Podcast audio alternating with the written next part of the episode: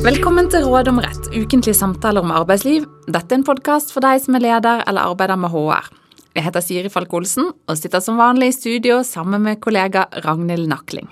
Vi er begge advokater og partnere i advokatfirmaet Reder, og i dag skal vi snakke om de reglene som gjelder når ansatte får barn. Ragnhild, du er nyansatt HR-sjef i et konsulentfirma, hvor det etter hvert er en overvekt av ansatte mellom 25 og 40 år. Det fører til at det er mange som til enhver tid får barn og går ut i permisjon. I din forrige stilling jobbet du som HR-sjef i et meglerhus, hvor de fleste ansatte var middelaldrende menn. De fikk jo også barn, men i likhet med mange virksomheter av samme slag, utbetalte dere ekstra bonuser som de ansatte kunne bruke på at partneren deres ble hjemme i de ukene den ansatte egentlig skulle avvikle pappaperm.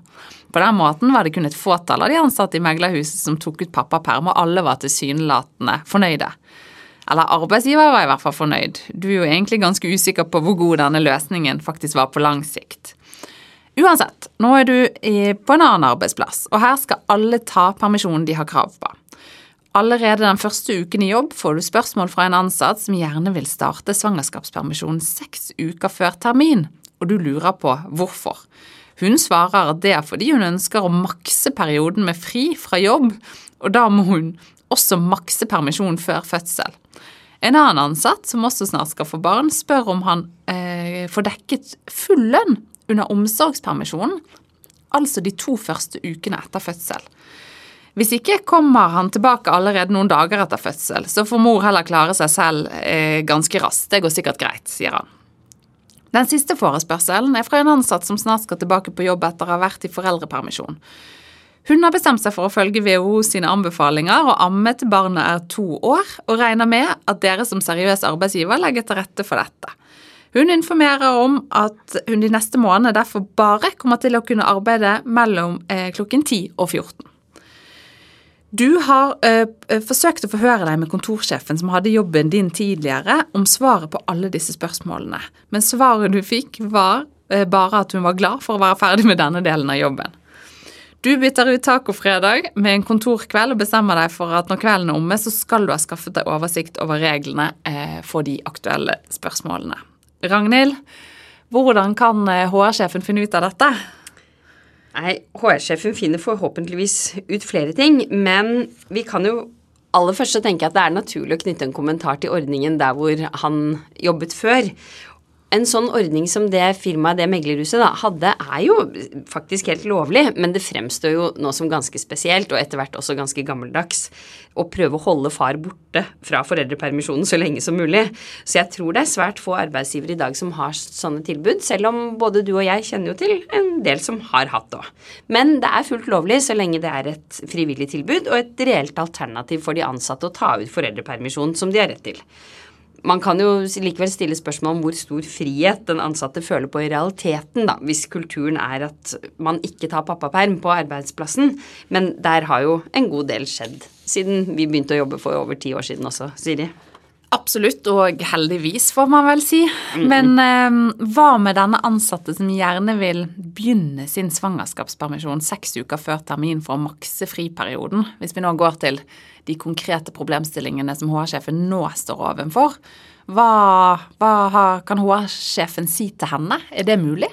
Ja, her tenker jeg at vi aller først så skal vi rydde i begrepsbruken, og jeg forvirret jo allerede litt ved å snakke om pappaperm. Etter loven så er det, det er fire, eller nesten fem, forskjellige per permisjoner som kan bli aktuelle. Ja, og hva er det? Det er svangerskapspermisjon, som er før fødsel. Det er omsorgspermisjon, som er for far eller medmor rett etter fødsel. Det er fødselspermisjon, som er i seks uker etter fødsel. Så er det foreldrepermisjon, som er resten, hvis man kan si det sånn. Og så er det delvis permisjon, det mange kaller gradert permisjon. For dette siste det er egentlig bare en måte å ta ut svangerskapspermisjon, fødselspermisjon og foreldrepermisjon på. Man kan ikke ta ut omsorgspermisjon gradert. Ja, selv for en med tre barn så er dette ganske forvirrende. Men det første spørsmålet gjelder altså svangerskapspermisjon. Er det et sjakktrekk å ta ut dette, og det å begynne seks uker før termin? Nei, jeg tenker i utgangspunktet nei, men vi må jo her også si som så mange andre ganger, det kommer an på. Men hovedpoenget er vel at den ansatte ikke får noen flere uker permisjon totalt ved å gjøre det på denne måten, sånn som hun tydeligvis tror. Fordi svangerskapspermisjon det er noe man kan ta ut når man er gravid i inntil tolv uker før termin. Det er en rettighet, så den gravide kan fritt velge seg å benytte seg av den permisjonen eller ikke. Det er noen tilfeller som jeg ikke går inn på nå, hvor man må Eh, eh, ta det ut hvis man jobber med farlige kjemiske stoffer eller lignende, men, men, det er veldig sjelden. Men det arbeidstakeren her har misforstått, det er at hun tror at om hun tar ut seks uker før, så får hun enda lengre permisjonstid etterpå. Men det er egentlig tvert imot, fordi den permisjonen du tar ut før fødsel, den reduserer lengden av permisjonen etter fødsel tilsvarende. Man har på en måte en pott med x antall uker som kan tas ut i permisjon i forbindelse med fødsel. Man står i en viss grad fritt til å disponere det som man vil før og etter, men tre uker før fødsel så må arbeidstakeren gå ut i permisjon. Og den misforståelsen tenker jeg det er viktig at HR-sjefen eh, oppklarer. Det er jo ganske mange som helst vil makse tiden med barnet etter at det er født. Og da kan det jo være lurt å høre med henne, da. Har hun tenkt på dette? Det virker ikke som hun har det.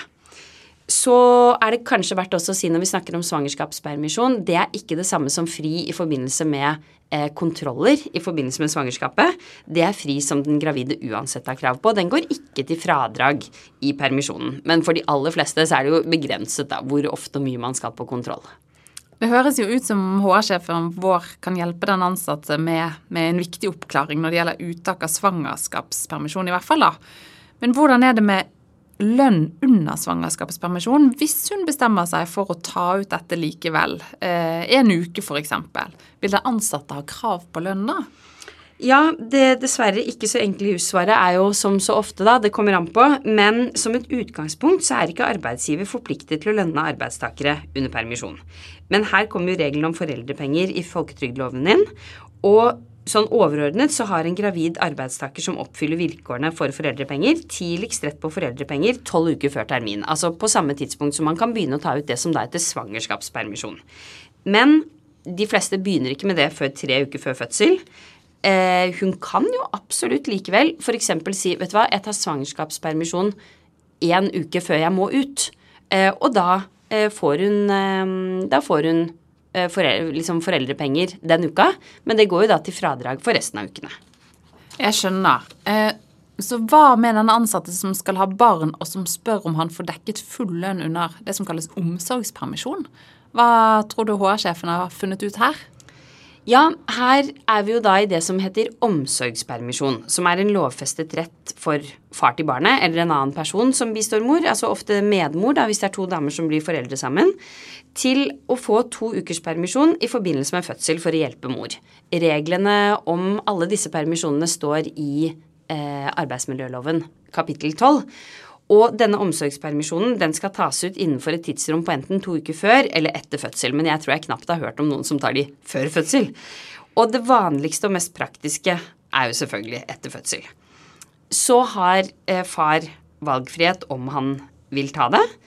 Og det er jo på en måte en slags form for Hva skal vi si Altså det skiller seg jo her da fra fødselspermisjonen, som er tvungen for mor seks uker fødsel. Ja, og det som du sier er viktig å ha klart for seg, dette skillet mellom de forskjellige permisjonstypene etter loven. Men om du, Ragnhild, skal svare den ansatte på om han får dekket full lønn når han er i omsorgspermisjon, hva vil du si da? Har han krav på lønn i disse 14 dagene? Ja, og det var jo det han lurte på. Han lurte jo egentlig ikke på de tingene jeg sa nå, som var på en måte at dette er, eh, dette er en frivillig permisjon osv. I utgangspunktet så det, har man bare rett til fri fra arbeidet med omsorgspermisjon. Det står ikke noe i loven, verken arbeidsmiljøloven eller folketrygdloven, om at man har krav på lønn i den perioden. Men det er jo mange arbeidsgivere som gir dette. Jeg tenker at det er ganske stor forskjell på hva slags arbeidsgiver man har her. Og da mener jeg ikke om det er en snill eller slem arbeidsgiver. Det er rett og slett er det en offentlig arbeidsgiver, så vil du som oftest ha krav på lønn i den perioden gjennom en tariffavtale. Er det en stor privat arbeidsgiver, så vil du nok som oftest ha dekket lønn i én eller to uker.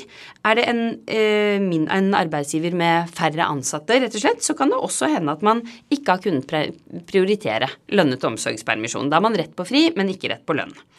Og noen ganger vil jo dette da stå i tariffavtalen som virksomheten din er underlagt. Noen ganger vil det kanskje, ikke så ofte, men kan jo være at det står i individuell arbeidsavtale, eller at det står i personalhåndboka. Så der må HR-sjefen sjekke da, hva som gjelder for deres virksomhet. Så om den ansatte får dekket full lønn under eh, sin omsorgspermisjon, det avhenger altså av hva som er avtalt med arbeidsgiver, eh, og uansett vil arbeidstaker i saken stå fritt til å bestemme hvor mye eller lite han ønsker å ta ut av denne omsorgspermisjonen. Så Du har foreløpig ikke nevnt det, men det er jo også en fjerde type permisjon som man har rett på i forbindelse med fødsel. Eh, foreldrepermisjon. Kan du forklare lytterne våre hva det er? Ja, eh, fødselspermisjon brukes nok også ofte om dette, tror jeg. Men i loven så er da fødselspermisjon det er reservert for de første seks ukene etter fødsel, som man må ta, og, som mor må ta, den som har født. Og det er jo mor. Eh, og så er det foreldrepermisjon, eh, som det kalles den perioden etter det. Til sammen så har foreldrene rett på totalt tolv måneder med foreldrepermisjon i forbindelse med fødsel. Og det er jammen ikke lett å snakke om disse tingene, fordi i det jeg snakket om på en måte skille nå da, mellom fødsel og foreldrepermisjon, så inngår faktisk fødselspermisjon i disse tolv månedene cirka som man har krav på i forbindelse med fødsel. Man, det kan være 49 uker, det kan være 59 uker og man jobber 80% men det er sånn ca. et år. Og dette er på en måte den potten da, som både fødselspermisjon og svangerskapspermisjon inngår i. Og den kan deles ganske fritt mellom foreldrene, med unntak av disse seks ukene etter fødsel og tre uker før. Men beregningen av feriepenger i folketrygdloven sine regler, de setter jo noen grenser. Og vi skal ikke gå masse i detalj. Ja, hva tenkte du på? Feriepenger. Feriepenger, sa jeg. Ja, da er det ikke det. Jeg mente foreldrepenger. Feriepenger er faktisk også en sånt problemstilling som oppstår i forbindelse med permisjon, men det er ikke det det handler om her. Det er foreldrepenger. Og uten å gå i detalj der, så kan vi si at eh, etter folketrygdloven så har man krav på å få dekket foreldrepenger opp til 6G av årslønnen sin. 1G det er jo i dag litt over 100 000, og hvis en arbeidstaker har en årslønn på mer enn 6G, så får man i utgangspunktet ikke foreldrepenger over det. Men det er jo flere arbeidsgivere som velger å gi arbeidstakerne sine det som noen i hvert fall kaller en up-top-dekning, altså at man dekker differansen mellom 6G og arbeidstakers årslønn.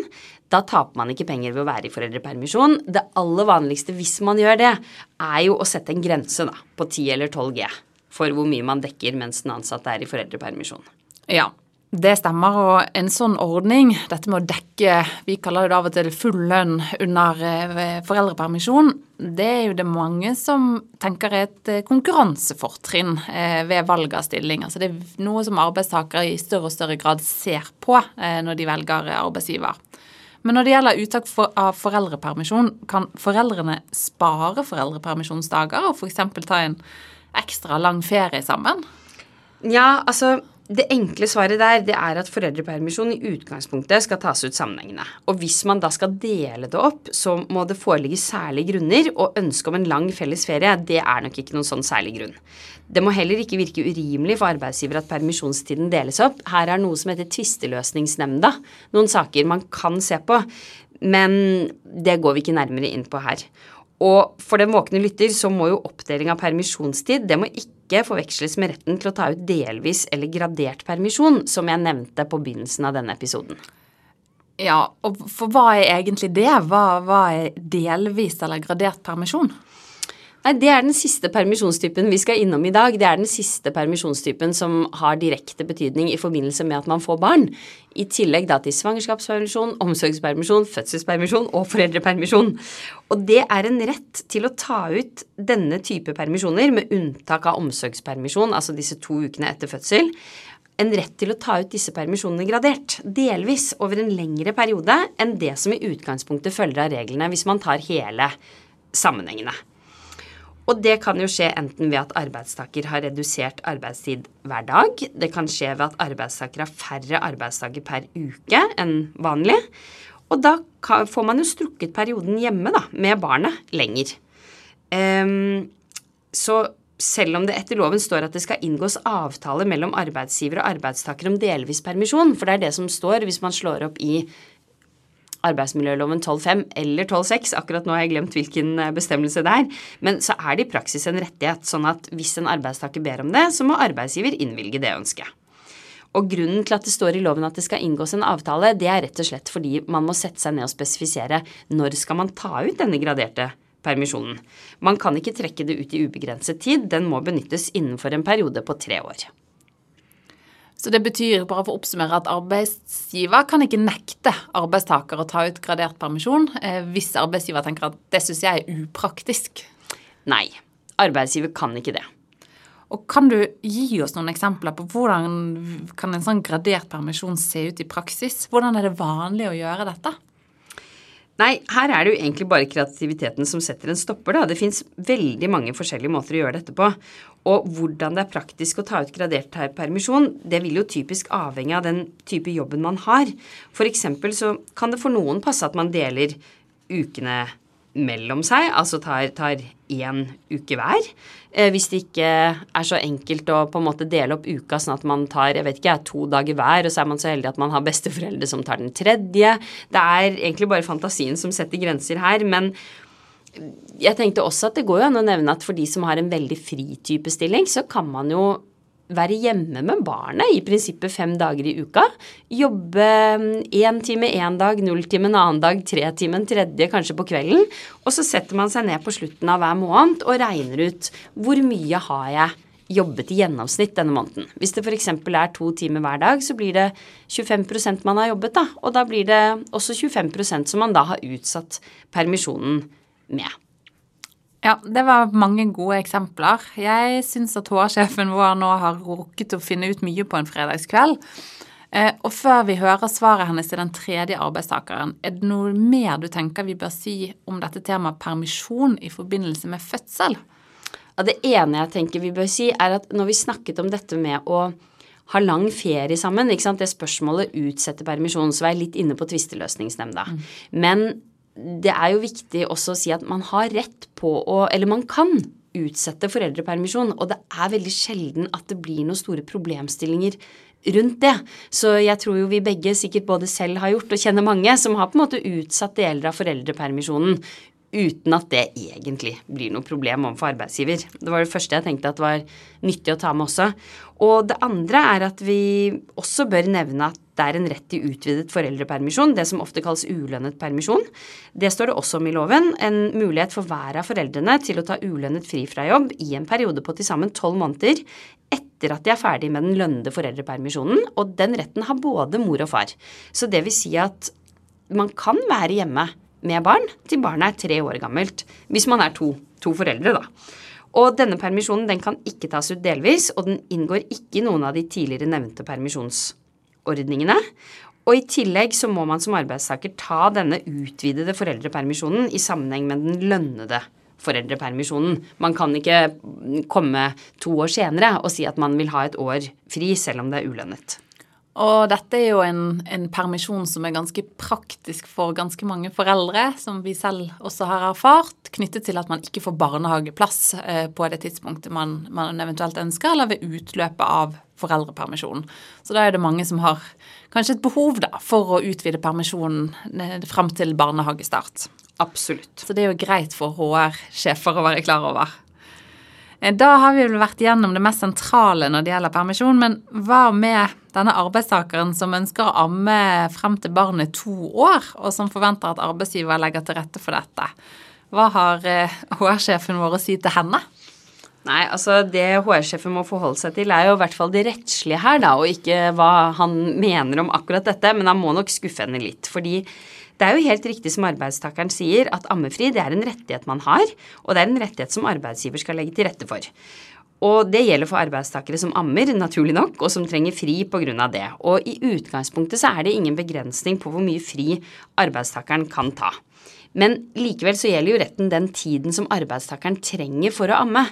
Og om vi tar utgangspunkt i at arbeidstakeren i saken har normalt har åtte timers arbeidsdag, så ber hun jo da i prinsippet om at arbeidsgiver legger til rette for å gi henne fri fire timer hver dag. Jeg tenker nok som så at selvfølgelig litt avhengig av barnets alder, men det er ganske lite sannsynlig at hun trenger fire timer til amming per arbeidsdag, altså i arbeidstiden. Um, og så tenker jeg at det er naturlig for HR-sjefen vår å opplyse om at ammefri kun gir rett på én time lønnet fri hver dag. Så om hun da faktisk har behov da, for fire timer fri til amming, så er det bare tre av de som er ulønnet fri.